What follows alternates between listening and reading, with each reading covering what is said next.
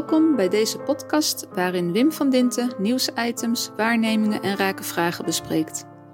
Veel zaken worden pas echt interessant als je dieper graaft en daar kom je altijd een laag van betekenisgeving tegen.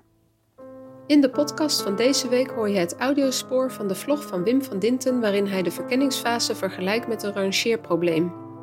Hij laat zo zien voor welke enorme opgave Cenk Willink staat is meneer Willink in staat het benodigde overzicht te bieden over alle treintjes die er staan, zodat partijleiders kunnen komen tot een kabinetsformatie?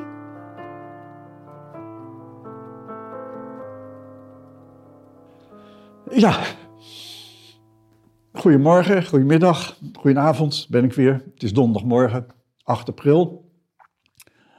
1 april vorige week heb ik verteld, uh, s ochtends, uh, wat ik hoopte dat het parlement zou doen, namelijk een, een, aantal mensen benoemen om boven water te krijgen hoe die gesprekken met de verkenners nou zijn gegaan. Maar nee, ze hebben de hele nacht, de hele dag uh, eraan besteed om alle informatie boven water te krijgen, de, de vertrouwelijkheid overboord gemikt. En er kwam dus uit dat Rutte zou hebben gelogen en ook daarmee ook de verkenners. Wat mij nogal uh, idioot lijkt te verwachten dat die verkenners ook zouden hebben gelogen. Alhoewel ze dicht bij uh, Rutte hebben gezeten. Um, en ik, ik, denk zelf dat de ambtenaren het gesprek hebben samengevat in um, positie omzicht, functie elders. Een samenvatting. Niet dat ze dan precies bedoelen dat hij elders aan de gang moet, maar dat hij uit die functie van de Kamer zou moeten om een stabiele regering te vormen. Ik heb het niet over het idee of dat een goede of slechte gedachte is, maar ik heb het over de vraag of er sprake is van leugens. En je zag in dat debat dat ze alleen maar bezig waren om Rutte te beschadigen, de man te beschadigen. Te beschadigen terwijl hij juist riep, kijk nou uit voor elkaar en dat moet niet gebeuren, want dan kun je niet meer een regering samenstellen. En uiteindelijk bleef je overeind doordat de motie van wantrouwen het niet heeft gehaald. En dan een motie van afkeuring boven water kwam die het wel haalde. En ja, dan, dan is de zaak zo getroubleerd dat heel veel mensen in het parlement niet goed meer weten hoe ze moeten kijken. En dan haal je iemand erbij van buiten die ervaring heeft met dit soort processen. En dit, is, dit is, proces is van een enorme moeilijkheidsgraad. En dus kwam men uit bij Cenk Willink. Nou, meneer Cenk Willink, uh, die kan er wat van. Die heeft bewezen dat hij kabinetten kan samenstellen. Maar of hij deze klus aan kan, dat is de grote vraag. Überhaupt is de vraag of we niet in een positie zijn geraakt dat er een kabinet kan worden samengesteld wat voldoet aan uh, de mogelijkheden die je zou willen zien bij een kabinet om de problemen van deze tijd aan te pakken. Dus ik, ik heb me eigenlijk vandaag eens voorgenomen om um, dat probleem van Cenk Willink uh, wat uit te kleden. Uh, als het ware te proberen hem te helpen. wat nogal arrogant klinkt, maar ik ken hem persoonlijk en wie weet um, of hij daar aan gedacht heeft of niet, dat zal nog wel blijken. Maar waar, waar hij voor staat is een, een heel groot rangeerprobleem. Hij staat op een enorm emplacement met heel veel treintjes. 17 treinen staan er waar een machinist op zit.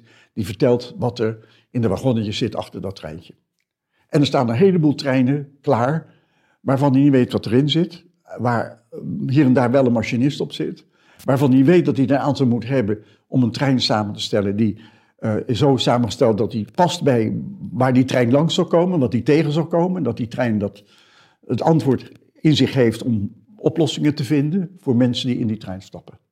Of die ervan gebruik willen maken. En ja, welke, welke treintjes staan er dan waar die machinist op zit en, en wat zou er dan in kunnen zitten? Welke treintjes zie ik dan voor me die, waar, die, waar die rekening mee moet houden en waar die absoluut niet die hij niet mag negeren om een trein samen te stellen die, die, als die ervaren wordt als, als passend om problemen op te lossen. Nou, dan denk ik eh, eigenlijk op de eerste plaats dat, je, um, dat er een trein is die roept of die wil zien dat mensen uitspraken doen die 100% waar zijn, maar 100% onbruikbaar. Dat is wel heel, heel, heel erg belangrijk dat hij dat ziet dan begint het dan met een groot probleem wat hij heeft, omdat hij zelf zegt dat de macht van de Tweede Kamer moet worden versterkt en in balans moet komen met de macht van de regering. Maar ja, als je dat zegt, wat, wat kun je daar dan mee? Dan moet, dan moet een Tweede Kamer toch in staat zijn, en de mensen in de Tweede Kamer in staat zijn, om de problemen van deze tijd te herkennen als ze die tegenmacht van de regering gebruiken. En als die Tweede Kamer vindt dat een vertrouwelijk overleg achterkamertjes is dat niet mag en dat alles transparant moet zijn, hoe wil je dan nog iets als een agrarisch probleem voor boeren op kunnen lossen? Wat per definitie in een vertrouwelijkheid moet. Omdat als je alles transparant en open op tafel legt, de boerenstand elke dag op straat zal staan om te protesteren. En, en is het dan mogelijk om te praten over het onderwijs? Tegelijkertijd zou je graag willen dat, wat nu deze week uitkwam, dat je ziet dat de agenda van ministers wat betreft hun afspraken met de buitenwereld voor groot, in grote mate gevuld zijn door afspraken met het bedrijfsleven, dat dat zichtbaar wordt gemaakt. En je kunt vragen, maar waar gaat het dan over? En dat bijvoorbeeld onderwijs heel veel afspraken heeft met de buitenwereld, is te begrijpen, omdat de informatica-industrie eh, toegang heeft via de minister om in curriculi op scholen ervoor te zorgen dat computers en, en kleine computers en allerlei technische hulpmiddelen worden gebruikt. Eh, kortom, op het moment dat je zegt tegenmacht, dan zeg je tegelijkertijd dat die Tweede Kamer een competentie moet hebben om die ook goed te gebruiken. Dan is de eerste vraag al, zijn ze dan geselecteerd daarop? Nou, laten we dan het CDA nemen als voorbeeld. Pieter Omtzigt is een prima volksvertegenwoordiger, is icoon geworden van hoe een volksvertegenwoordiger eruit zou moeten zien en zich moet gedragen. Hij uh, stelde zich kandidaat als lijsttrekker, werd tweede en toen de eerste lijsttrekker de jongen opstapte, lag het voor de hand dat hij dan lijsttrekker zou worden. Maar nee, er moest er toch een andere manier komen om als lijsttrekker te dienen. Je zag binnen het CDA dat het fenomeen omzicht en het profiel wat hij heeft niet werd versterkt, maar werd bestreden. En dat bijvoorbeeld Van Dam, die voorzitter was van die parlementaire commissie over toeslagenbeleid, op plaats 27 op de, op de lijst komt te staan en onverkiesbaar werd. Het probleem van competente parlementariërs uit politieke partijen is een probleem van die politieke partijen. Maar dat onttrekt zich natuurlijk aan de vraagstelling waar Cenk Willink voor staat. Want die moeten doen met de partijen die in de Kamer zitten. Uh, de macht van de volksvertegenwoordiger moet worden versterkt. Maar hij gaat niet over de selectie van degene die een partij in de Tweede Kamer representeren. En de vraag hoe de competentie daarvan beoordeeld wordt. Dus dit grote donkere gat over de competentie van Kamerleden, of ze overzicht hebben over de problemen en hoe je die moet oplossen, ligt buiten zijn mogelijkheden, maar is wel een van de treintjes die daar staan en die hij op de een of andere manier tot gelding moet brengen, want dat probleem zal in die komende kabinetsperiode onontkoombaar zich voor blijven doen.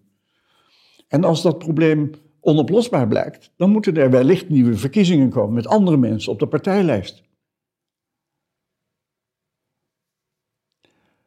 Een ander element is dat je de bestuurlijke structuur, de besturingsvorm van een top-down naar een open structuur zou brengen. Maar ja, wat is dat dan?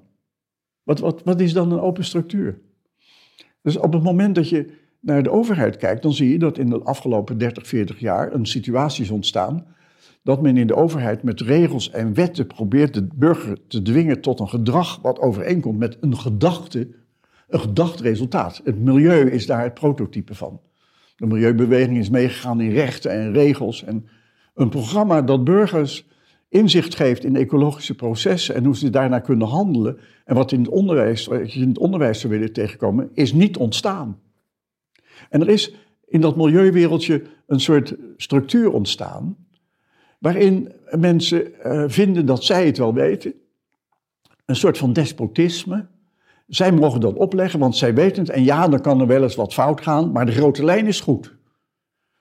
En dan kom je natuurlijk bij toeslagenbeleid of de CBR uit, of zeg het maar. Dat beeld dat van despotisme wat in die overheid zit, stond natuurlijk ook in de bestuursraad, waar 1500 mensen zitten die, door, die als ambtenaar door de bestuursraad over de departementen worden verspreid. En leidt tot een beleid wat we niet als open ervaren, integendeel. Dus de overgang naar een open bestuursvorm raakt onherroepelijk het functioneren van de bestuursraad en die vorm. En zijn dan is dan dat kabinet wat er komt in staat om dat aan te pakken? Om dat te veranderen? Er is nog een heel ander element wat erin zit. Dat is dat de dominantie van informatica zo groot is dat er overal systemen komen. Wat leidt tot een tweede industriële revolutie. Maar die gaan niet over het gebruik van fossiele brandstoffen om meer kracht te maken en meer macht te hebben, meer energie te hebben, te kunnen vliegen, met de auto te rijden. Zeg het maar. Maar die gaat over het gebruik van computers als vervanging van wat wij rationeel kunnen en hoe wij in ons brein met onze ratio met elkaar omgaan en met de wereld omgaan. Deze, deze industriële revolutie, waarbij informatica ons aantast, vervangt wat wezenlijk is, gaat over grondslagen van betekenisgeving die voor iedereen van belang zijn en die nu worden gerationaliseerd. Dat is een hele grote, zware trein die daar op dat rangeerterrein staat en die, die hij per se mee moet nemen om überhaupt tot een oplossing te kunnen komen voor allerlei vraagstukken van deze tijd. En herkent u dan ook dat mensen woorden gebruiken waar ze iets anders mee bedoelen dan hij het wellicht uitleest of anderen er anders uitlezen? Neem de rechtsstaat. Als je bij D66 het hebt over versterken van de rechtsstaat, dan gaat het over het geven van grondslagen en regels aan de overheid om nog meer macht uit te oefenen. Terwijl een ander deel van het parlement onder versterking van de rechtsstaat verstaat dat de burger moet worden beschermd tegen de macht van de overheid. Ze gebruiken allebei versterking van de rechtsstaat, maar bedoelen er iets volstrekt tegengestelds mee. Nou, ook weer zo'n treintje wat er staat.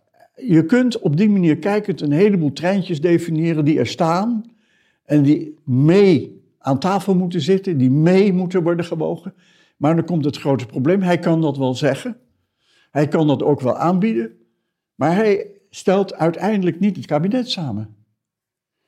De keuze is daarvan aan partijleiders die in de Kamer zitten.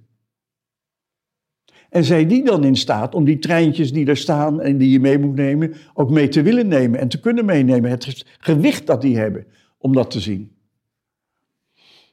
Ik ben daar zeer sceptisch over. Ik denk dat het overvragen is.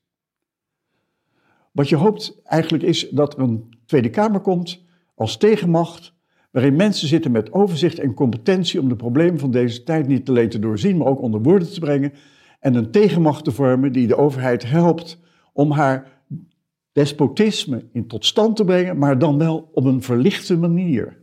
Niet op de manier zoals het nu gaat en mensen in de kreukels helpt en de problemen niet oplost, maar vergroot. En dan kun je niet één man, één meneer voor aanwijzen die Rutte heet. Alle politieke partijen die in kabinet hebben gezeten zijn daarvoor verantwoordelijk. Onze minister-president is geen kanselier, is geen prime minister zoals in Engeland, maar is de eerste onder zijns gelijken. En tezamen hebben ze de verantwoordelijkheid voor wat er is gebeurd. Ook D66, ook het CDA, ook, het P, ook de PvdA, ook de ChristenUnie. Het is bizar, bizar, om dat te verwijten aan één persoon.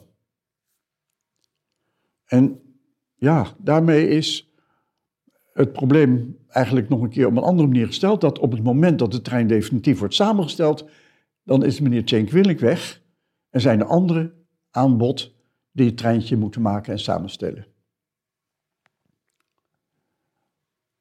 Laten we, laten we iedereen de gelegenheid geven daarnaar te kijken. En ik hoop dat ik me vergis, maar ik denk het niet. Het treintje wat er zal komen, zal met vierkante wielen rijden. En zullen heel veel lege wagonnetjes in zitten. En heel veel remmend vermogen zal er zijn. En weinig oplossingen. Het gaat gelijk op weg naar nieuwe verkiezingen. Fijne dag nog.